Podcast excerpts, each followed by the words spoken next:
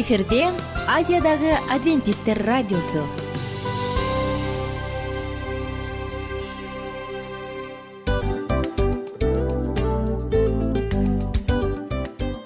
Достор салют. Баардык сүйүктүү угармандарыбызга салам айтабыз. Кутман күнүңүздөр менен. Ден соолук өмүрдүн булагы демекчи саламат саамы программасында баарыңыздарды көргөнүбүзгө абдан кубанычтабыз. Анда алгач амандашып өтөлү арбаңыздар деп. Ден соолугуңуздар кандай элибизде көбүнчө ден соолук кандай дегенде эле жакшы деп жооп беребиз э? ооруп турсак дагы жакшы дейбиз. Анан мен муну айтып ойлойт элем бул абдан сонун сөз депчи анткени бул жакшы деген үмүт да э баары жакшы болот баары сонун. Деп үмүттөнүп атып эле өзүбүздү өзүбүз дарылап коебуз. Анысы кандай? Сиздин дагы ден соолугуңуз жакшы беш деген үмүттөбүз чындыгында ден соолук бул өмүрдүн булагы деп бекеринен айтылган эмес деп ойлойм. Кыргыз элинде анткени эгерде ден соолук жок болсо анда адамдын жашоосунда калган баардык керектүү маңыздуу нерселер өзүнүн баалуулугун жоготуп коет. Ошондуктан ден соолук бул эң керектүү нерсе. Ооба туура айтасың кесиптешим. Чынында ден соолугуң жок бир эки үч күн ооруп калсаң эле э кандай болуп калат? Жашоодо көз каранды болуп каласың көп нерсеге жетишпей каласың көп нерсени кыла албай каласың жада калса эчке дүкөнгө да чыга албай каласың. Туптуура анан ден соолук болсо демек биз биздин бактыбыз тоодой деп койсок болот. Анда достор саламат саамы рубрикабызды баштайлы. Алдыда өзүңүзгө керектүү болгон сонун кеңештерди уга аласыздар. Мына ошондуктан биз менен бирге болуңуздар. Ал эми биз болсо милан жана айнура. Кеттик алга. Алга саламат саама ден соолуктун жарчысы. Саламат саама ден соолуктун ачкычы. Күн сайын сиз үчүн мыкты кеңештер сонун жаңылыктар кызыктуу фактылар биздин рубрикада.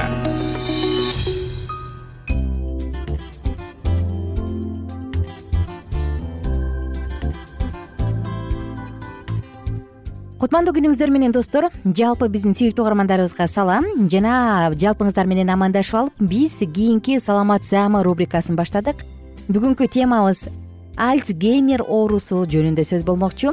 Альцгеймер оорусунда кандай пайдалуу суусундук ичиш керек? Албетте алманын ширесин. Мына бул тууралуу алдыда кененирээк сөз кылабыз.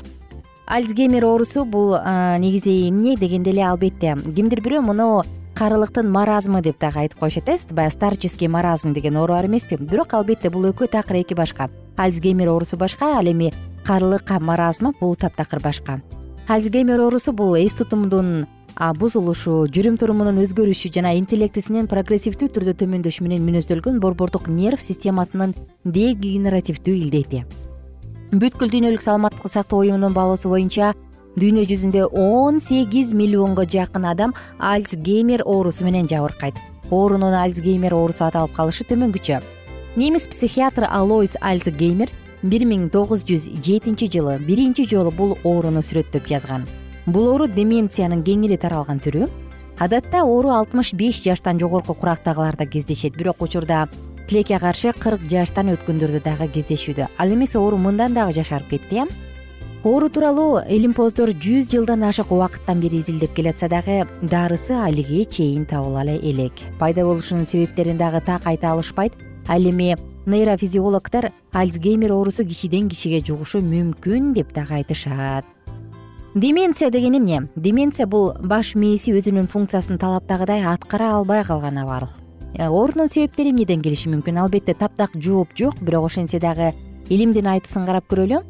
Оору эмнеден келип чыгаары так далилденбеген илимпоздор ар кандай пикирлерди айтып келишет. Мисалы мээге катуу жаракат алгандан тукум куучулук вирустар сырткы токсиндик факторлор алюминий нитраттар дагы буга себеп болушу мүмкүн. Иммунитеттин патологиялык реакциясынан улам пайда болушу мүмкүн. Кээ бир дарыгерлер бул дартка чалдыккандардын сексен пайызы тукум куучулуктан улам деп дагы айтып келишет. Мына ушундай. Карыганда пайда болгон кем акылдуулук дагы бар э? Бул алтымыш беш жаштан өткөндөн кийин деп айттык. Мына ушул кыскасы. Оорунун алгачкы белгилери жөнүндө сөз кылсак дароо эле аны байкаш кыйын бирок адам унутчаак боло баштайт. Бир окуяны эстей албай калат тааныш эле буюмдарды ажырата албай калат. Маанайы бат бат бузулат депрессия тынчсыздануу ориентацияны жоготот апатия көңүл коштук пайда болот. Айтор мына ар кандай бул алгачкы стадиялар. Ал эми өтүшүп кеткен учурда элден окчундап бөлүнө баштайт галлюцинация болот. Жакын адамдарын тааныштарын тааныбайт баскан турганын өзгөрөт бара бара бутун сүйрөп басып калат. Өз алдынча ой жүгүртүү жана кыймылдай да албайт уйкусурап алсыз болот. Көчөгө чыгып адашып кетет туш келди басып кетет айрым учурларда карышып калат айтор. Толтура мына ошондуктан мындай ооруну алдын алыш үчүн достор биз сиздерге бүгүн алманын ширесин сунуштайбыз. Англистер мындай айтып коет э англичандар. Күнүнө бир алма же анан сага доктурдун дагы кереги жок деп. Ал эми азыркы заманбап учурда мындай кылып койсок болот да күнүнө бир алма же анан сен альцгеймер ооруга чалдыкпайсың деп. Анысы кандай достор биз эмне себептен алманы сунуштайбыз? Анткени алманын курамы абдан эле сонун сыйкырдуу алма кадимки эле эгерде сиз күнүнө аны дайыма үзгүлтүксүз учурат үзгүлтүккө учуратпай жеп турган болсоңуз анда когнитивдик функцияны төмөндөтпөйт. Жана ошондой эле ал эң эле эффективдүү нейропротектор болуп саналат. Алманын курамында мээге керектүү болгон ацетилхолин бар жана ошондой эле башка дагы нейротрансмиттер бар. Алардын баардыгы тең нейрондордун дегенерациясын төмөндөтөт. Ошондой эле альцгеймер оорусуна чалдыгууну алдын алат массачусетс университетинде бир чоң изилдөө жүргөн. Ал жакта көптөгөн адамдар э, катышышкан. Андан кийин достор ким бир ай бою жүз жыйырма миллилитр же бир стакан алманын ширесин ичип тура турган болсо алардын жүрүм туруму дагы маанайы дагы жакшырып бир топ оңолгон деп айтышат. Дал ушул изилдөө дал ушул изилдөө баардык альцгеймер оорусу менен ооруган пациенттердин арасында жүргөн. Элестетиңиздер бир ай гана ичкенде аларда бир нече эсе жакшыруу байкалган.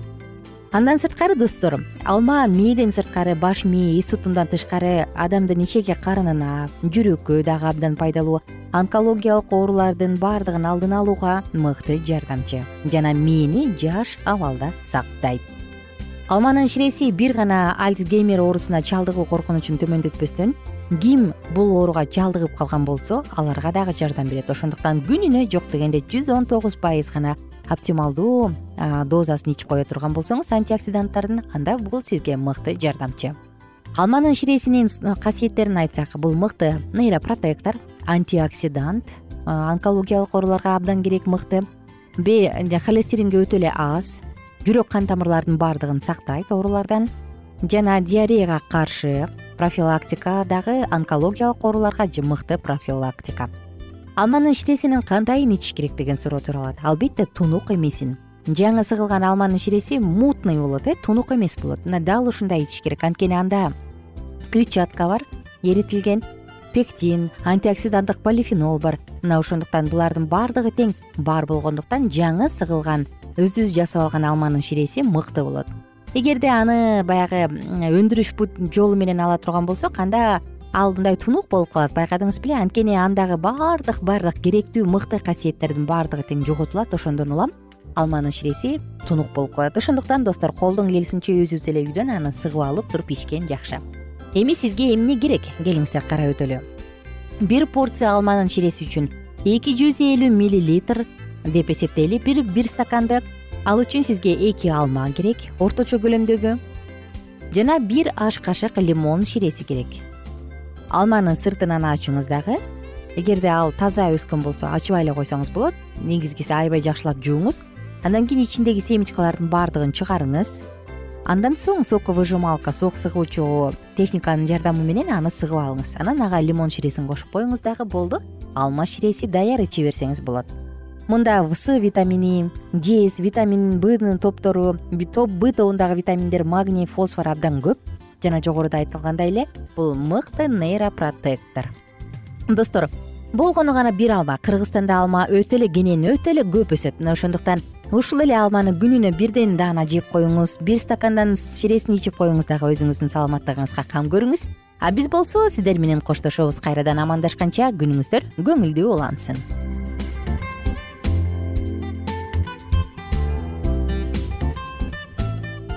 кененирээк маалыматтар үчүн үч w чекит саламат чекит клуб сайтына келип таанышыңыздар. Жана андан тышкары социалдык тармактарда youtube facebook жана instagram баракчаларына катталыңыз. Саламат саама ден соолуктун жарчысы. Саламат саама ден соолуктун ачкычы. Күн сайын сиз үчүн мыкты кеңештер сонун жаңылыктар кызыктуу фактылар. Биздин рубрикада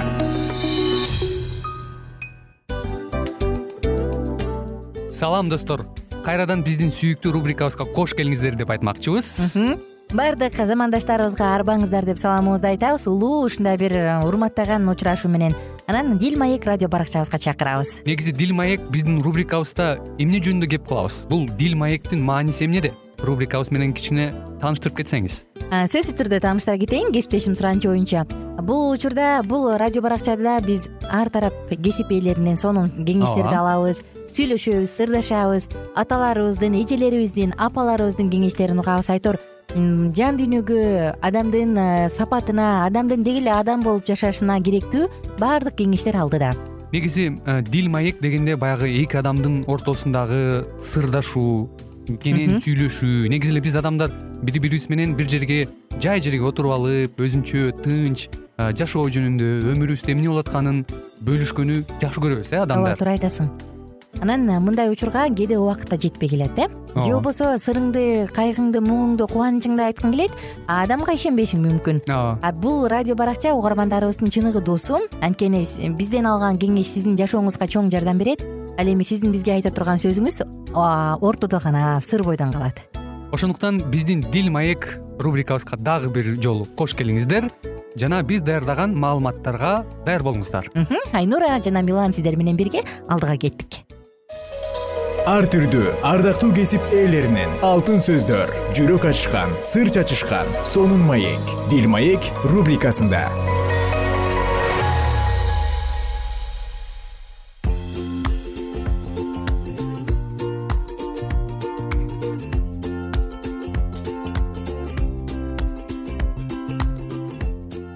Салам достор. Жалпы угармандарыбыз менен амандашып саламдашып дил маек уктуруусун баштадык. Бүгүн сиздер менен бирге насыяттоонун ченеми деп аталган теманын үстүнөн сөз кылабыз.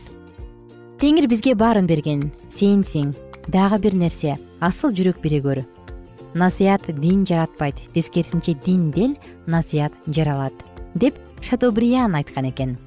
Мурунку уктуруубузду эске салсак биз ошол насыяттоонун ченемдери дегенде аял затынын жүрүш турушу эркектеги туруктуулук жөнүндө сөз кылганбыз. Аял заты өзүнүн сырткы кийим кечеги жүрүм туруму көз карашы сүйлөгөнү менен башкаларды азгырбашы керек. Ал эми эркек үйлөнгөндө убада берген сөзүнө дайыма туруктуу сакташы керек деп айтканбыз. Бүгүн ажырашуу жөнүндө сөз кылалы. Жаштардын ой сезиминде үйлөнүү кыялга берилгендикке рахатка бөлөнгөндүк жана бул анын элестетүүсүн толтуруп туручу өзгөчөлүктү алып таштоо жана анын оюнда үйлөнүү милдеттерине байланыштуу милдеттүүлүктүн чоң сезимин тутуп калуу өтө кыйын экен. Бул милдет эки адамдын тагдырын өлүмдөн башка эч нерсе ажырата албай турган түйүн менен бириктирип турат. Үйлөнүү үлпөтүн чечүүдө өтө кылдаттык менен ойлонуп чыгуу зарыл анткени бул кадам адамдын мындан кийинки өмүрүн тазалоочу кадам. Таразалап коет. Эркек жана аял адам ойлонуу менен алар калган өмүрүндө тагдырдын тоскоолдуктарына каршы бири бирине ишенимдүү жашап кетише ала тургандыгын чечүүсү керек. Ыйса ажырашуу жөнүндө эмне дейт? Ыйса куткаруучунун учурунда эри өзүнүн таш жүрөктүүлүгү менен эч тыяныгы жок бир нерсе үчүн эле аял менен ажырашып кетүүгө. Же ал керектүү деп эсептей турган болсо аялын балдарынан ажыратып кууп жиберүүгө мүмкүн болгон. Бул өтө чоң маскарачылык болуп эсептелинип жана бул кабыл алынбай калган аял ушунун азабынан көп запкы чеккен бул адет улуу кайгылардын жана күнөөнүн себеби болуп калган. Өзүнүн тоодогу насааттарында ыйса түшүнүктүү айтып берет ажырашуунун себеби бир гана үйлөнүүнүн милдеттерине каршы келе турган маселелер болушу мүмкүн. Кимдир бирөө өзүнүн аялы менен ажырашса ойноштук кылып нике бузуу күнөөсү менен эмес болсо анда ал аялына ойноштук кылууга себеп берет. Жана кимдир бирөө күйөөсүнөн ажырашкан аялды алса ал ойноштук кылат деп жазылат матай жазган жакшы кабар бешинчи бөлүм отуз экинчи аятта. Ыйса бул дүйнөгө кудайдын адеп ахлактуу түспөлүн адамдардын ичинде калыбына келтирүүгө жана каталарын жөндөө үчүн келген. Адамдар өздөрү өздөрүнө заң ченемдерин тургузууга кудайдын мыйзамын жоюп салуу үчүн жана өздөрүнүн каалоолорун аткарууга эрки жок. Кудай бир гана нерсени айттырган. Аял өз эрин таштап кетүү же эри аялын таштап коюу негиздери бул ойноштук кылуу деп. Аял адам өз эри менен мамлекеттин мыйзамы боюнча кайдыгерлик түрдө ажырашууга болот жана кудай үчүн жогорку мыйзам боюнча эри менен эле калганы дурус. Мамлекеттин мыйзамдары ажырашууга уруксат берген күндө дагы мурунку жубайлар кудайдын мыйзамына ылайыктуу ыйык китепте эри күйөөсү жана аялы болуп эсептелинишет. Жолдошу жана жубайы өздөрүндөгү сыйлашуулукту жана бири бирине болгон берилгендикти бекемдөөлөрү керек. Аларга туталанууну же өкүнүүнү чакыруучу бир нерселер жасалып же сөздөр айтылып кетпеш үчүн өздөрүнүн сөздөрүн же кылган иштерин байкап турушу зарыл. Жубайлардын ар кимиси башкачы үчүн башкасы үчүн колунан келгенин күчүнүн келишинче жасап бири биринин байланыштыгын бекемдеш үчүн камкордук көрүүсү зарыл. Өзүңөрдүн жубайлык милдетиңерди сүйүп жана мээримдүүлүк менен аткаргыла. Силер экөөңөр тең кандайча биз бир толук боло алабыз деп ойлонушуңар керек жумшактык жана сылыктык силердин жашооңордогу таң калыштуу түрдө өзгөртө алат. Жыныстык байланыштыкты түшүнүү жөнүндө айтсак төмөндөгү айтылган тууралуу өз оюңарды билдиргиле жана аларды өз жубайыңар менен талкуулагыла. Бул жагдайда бири бириңерге ачык жана ак ниеттүү болгула. Жыныстык байланыш бул сүйүүнүн майрамы. Макулсузбу? Макул эмесмин. Экинчиси аял жыныстык байланышты өз пайдасына алыш үчүн колдонуу мүмкүн. Макулмун макул эмесмин варианттар. Үчүнчүсү эркек адам жыныстык байланышка жетиш үчүн өз пайдасын сунуш кылышы мүмкүн. Макулмун макул эмесмин. Төртүнчү суроо эки үйлөнгөн адамдын достугу өтө жакын болсо бул коркунуч туудурат макулмун макул эмесмин. Бешинчи үй бүлөдөгү эрди катындын жыныстык жашоосу эмне менендир ынаак жана башкалар үчүн жашыруун болушу керек. Макулмун макул эмесмин. Аял адам жыныстык байланышта демилге көргөзбөшү керек. Макулмун макул эмесмин. Жетинчи суроо. Сезимге берилүүчү нерселерге туруктуу аялдар кумарсыздыктын азабын тартпайт. Макулмун макул эмесмин. Сегизинчи суроо. Эркек адам аялындагы өзүнө ишенүүчүлүк сезимин бекемдей алат. Макулмун? Макул эмесмин. Тогузунчу суроо. Эгерде жыныстык байланышууда бир себептер чыгып калса мыкты билгендерден жардам издөөгө туура келет. Макулмун? Макул эмесмин. Онунчу суроо. Жыныстык байланышуу бул жубайлардын бирөөсүн гана жеке канагаттоонуусу эмес ал биргелешкен канагаттануу. Макулмун? Макул эмесмин он биринчи суроо. Кудай үй бүлөдөгү жыныстык байланышуунун оңунда болушуна таламдуу. Макулмун макул эмесмин. Акча бул биздин кыйышпастыгыбызды ар дайым текшерүүчү. Мына достор бүгүн сиздер менен учурдун глобалдуу көйгөйү десем жаңылышпайм го дейм. Ажырашуу жөнүндө сөз кылдык. Чындыгында ажырашуу ах кандай гана өкүнүчтүү угулат э ажырашуу деген сөз.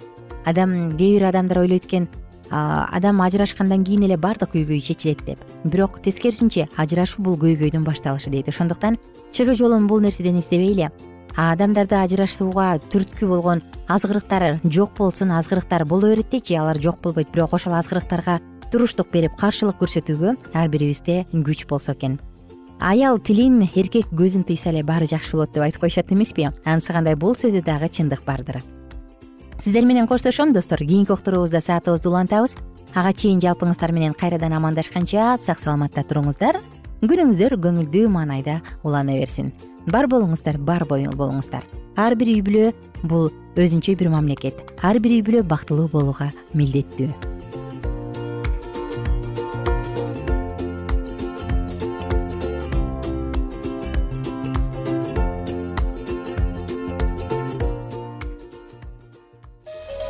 ар түрдүү ардактуу кесип ээлеринен алтын сөздөр жүрөк ачышкан сыр чачышкан сонун маек дил маек рубрикасында.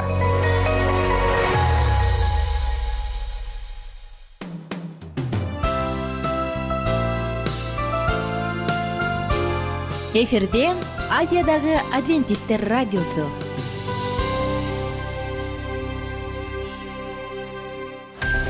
жан дүйнөңдү байыткан жүрөгүңдү азыктанткан жашооңо маңыз тартуулаган жан азык рубрикасы.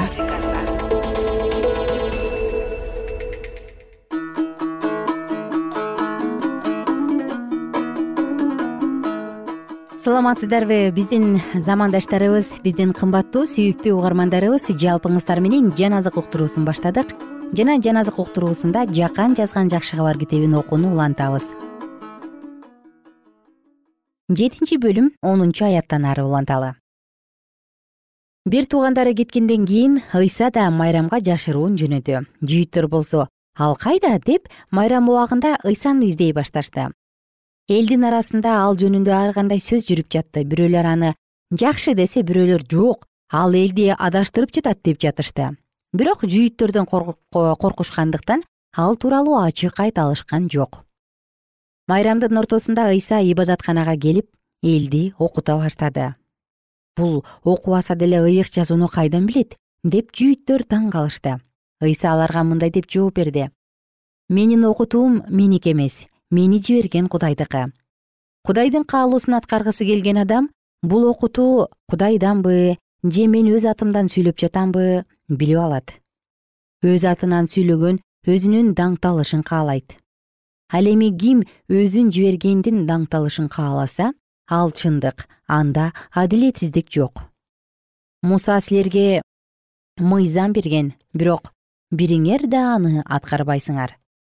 Мени эмне үчүн өлтүргөнү жатасыңар? Ошондо эл ага сенин ичиңде жин бар ким сени өлтүрөм деп жатат деди.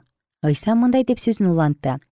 Ишемби күнү оорулууну айыктырганыма баарыңар таң калып жатасыңар муса силерге сүннөткө отургузуу мыйзамын берген. Чынында бул мыйзам мусадан мурун эле бар болчу ал ата бабалардан калган.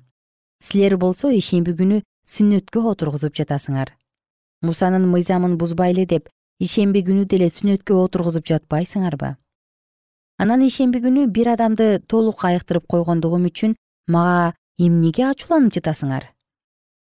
Сырткы көрүнүшү боюнча соттобогула сотуңар адил болсун ошондо иерусалимдиктердин кээ бирөөлөрү мындай дешти. Өлтүрөбүз деп издеп жатышканы ушул эмеспи? Карасаңар ал ачык эле айтып жатат бирок ага эч ким эч нерсе деген жок. Же башчылар да аны машаяк деп ынанып калышканбы? Бирок биз анын кайсы жерден экенин билебиз. Ал эми машаяк келгенде анын кайсы жерден экенин эч ким билбейт ошондо ибадатканада элди окутуп жаткан ыйса үнүн катуу чыгарып мындай деди. Ооба силер мени билесиңер. Менин кайсы жерден экенимди да билесиңер. Бирок мен өз атымдан келген жокмун. Мени жиберген кудай чындык силер аны билбейсиңер. Мен аны билемин. Анткени мен анданмын. Мени ал жиберген ошондо ыйсаны кармоого аракеттеништи. Бирок ага эч кимисе кол көтөргөн жок. Анткени анын убагы келе элек болчу бирок элдин көбү машаяк келгенде эмне? Бул көрсөткөн кереметтерден да көп керемет көрсөтөбү деп ыйсага ишенип калышты. Эл арасында ал жөнүндө айтылып жаткан ушундай сөздөр фарисейлерге жетти. Ошондо ыйык кызмат кылуучулар менен фарисейлер ыйсаны кармап келүүгө кызматчыларын жөнөтүштү. Ыйса болсо аларга мындай деди. Дагы бир аз убакыт араңарда болом. Андан кийин мени жибергенге барам. Мени издейсиңер бирок таппайсыңар. Мен болгон жерге силер келе албайсыңар. Ошондо жүйүттөр өз ара мындай деп сүйлөшө башташты. Биз таба албагыдай ал кайда барат. Элиндердин өлкөсүнө чачырап кеткен жүйүттөргө барып элиндерди окутабы. Мени издейсиңер бирок таппайсыңар. Мен болгон жерге силер келе албайсыңар деген эмнеси майрамдын акыркы эң улуу күнү ыйса эл алдына туруп бийик үн менен мындай деди ким суу саса мага келсин жана ичсин. Ыйык жазууда жазылгандай мага ишенген адамдын ичинен тирүү суу чыгат. Ыйса бул сөз аркылуу өзүнө ишенгендер ала турган ыйык рух жөнүндө айтты. Ыйса даңктала элек болгондуктан рух бериле элек болчу. Бул сөздөрдү уккан кээ бирөөлөр чын эле бул пайгамбар дешсе кээ бирөөлөр бул машаяк дешти дагы бирөөлөр жок машаяк галилеядан келмек беле ыйык жазууда машаяк дөөттүн тукумунан дөөттүн шаарчасы бейтлехемден келет деп айтылган жок беле дешти. Ошондо эл арасында ыйса тууралуу талаш тартыштар чыкты. Кээ бирөөлөр аны кармоого аракеттеништи бирок ага эч кимисе кол көтөргөн жок. Кайтып келишкен кызматчылардан башка ыйык кызмат кылуучулар менен фарисейлер эмне үчүн аны алып келген жоксуңар? деп сурашты. Кызматчылар болсо эч ким эч качан бул адамдай сүйлөгөн эмес деп жооп беришти. Ошондо фарисейлер аларга мындай дешти. Эмне? Силер да алданып калдыңарбы башкаруучулардан же фарисейлерден ага ким ишенди? Мыйзамды билбеген бул караңгы эл каргышка калсын алардын бири мурун ыйсага түн жамынып келип кеткен никедим аларга мындай деди эмне кылганын адамдын өз оозунан угуп териштирбей туруп биздин мыйзам боюнча өкүм чыгарууга болобу ошондо ага эмне сен галилеядансыңбы? Изилдеп көр. Галилеядан пайгамбар чыкпай тургандыгын ошондо билесиң деп жооп беришти. Андан кийин баары тең үйлөрүнө тарап кетишти. Жакан жазган жакшы кабар сегизинчи бөлүм. Ыйса болсо зайтын тоосуна кетти. Эртең менен кайра ибадатканага келди. Бүт эл анын жанында чогулду. Ыйса отуруп алып аларды окутту ошол учурда мыйзам окутуучулар менен фарисейлер ойноштук кылып кармалган бир аялды ыйсага алып келип ортого тургузушту да мындай дешти. Устат бул аял ойноштук кылып жаткан жеринен кармалды тооратта муса бизге мындайларды таш бараңкка алууну осуят кылат. Ал эми сен эмне дейсиң? Ыйсаны айыптоого шылтоо табыш үчүн муну алар сынап сурашты. Бирок ыйса аларга көңүл бөлбөстөн эңкейип жерге сөөмөйү менен бир нерсе жаза баштады. Алар кайра кайра сурай беришкендиктен башын көтөрүп араңарда ким күнөөсүз болсо ошол адам аялга биринчи болуп таш ыргытсын деди да кайра эңкейип жазганын улантты. Муну укканда алардын абийири ашкерелеп адегенде башчылары андан кийин калгандары биринин артынан бири кете башташты. Ыйсанын жанында ортодо турган аял гана калды. Ошондо ыйса башын көтөрүп аялдан башка эч ким жок экенин көрдү да аял сени айыптагандар кайда? Эч ким сени айыптаган жокпу деди аял ага эч ким деди теңир деп жооп берди. Мен да сени айыптабайм бара бер мындан ары күнөө кылба деди ыйса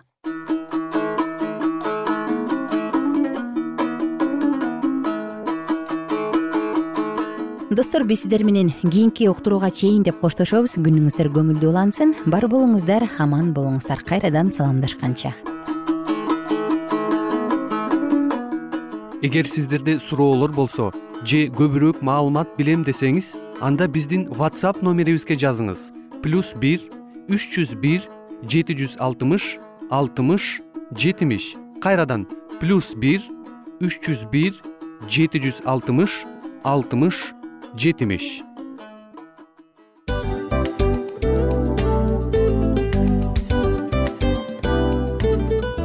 ушул менен достор программабыздын уктуруубуздун эң кайгылуу мөөнөтүнө келип жеттик.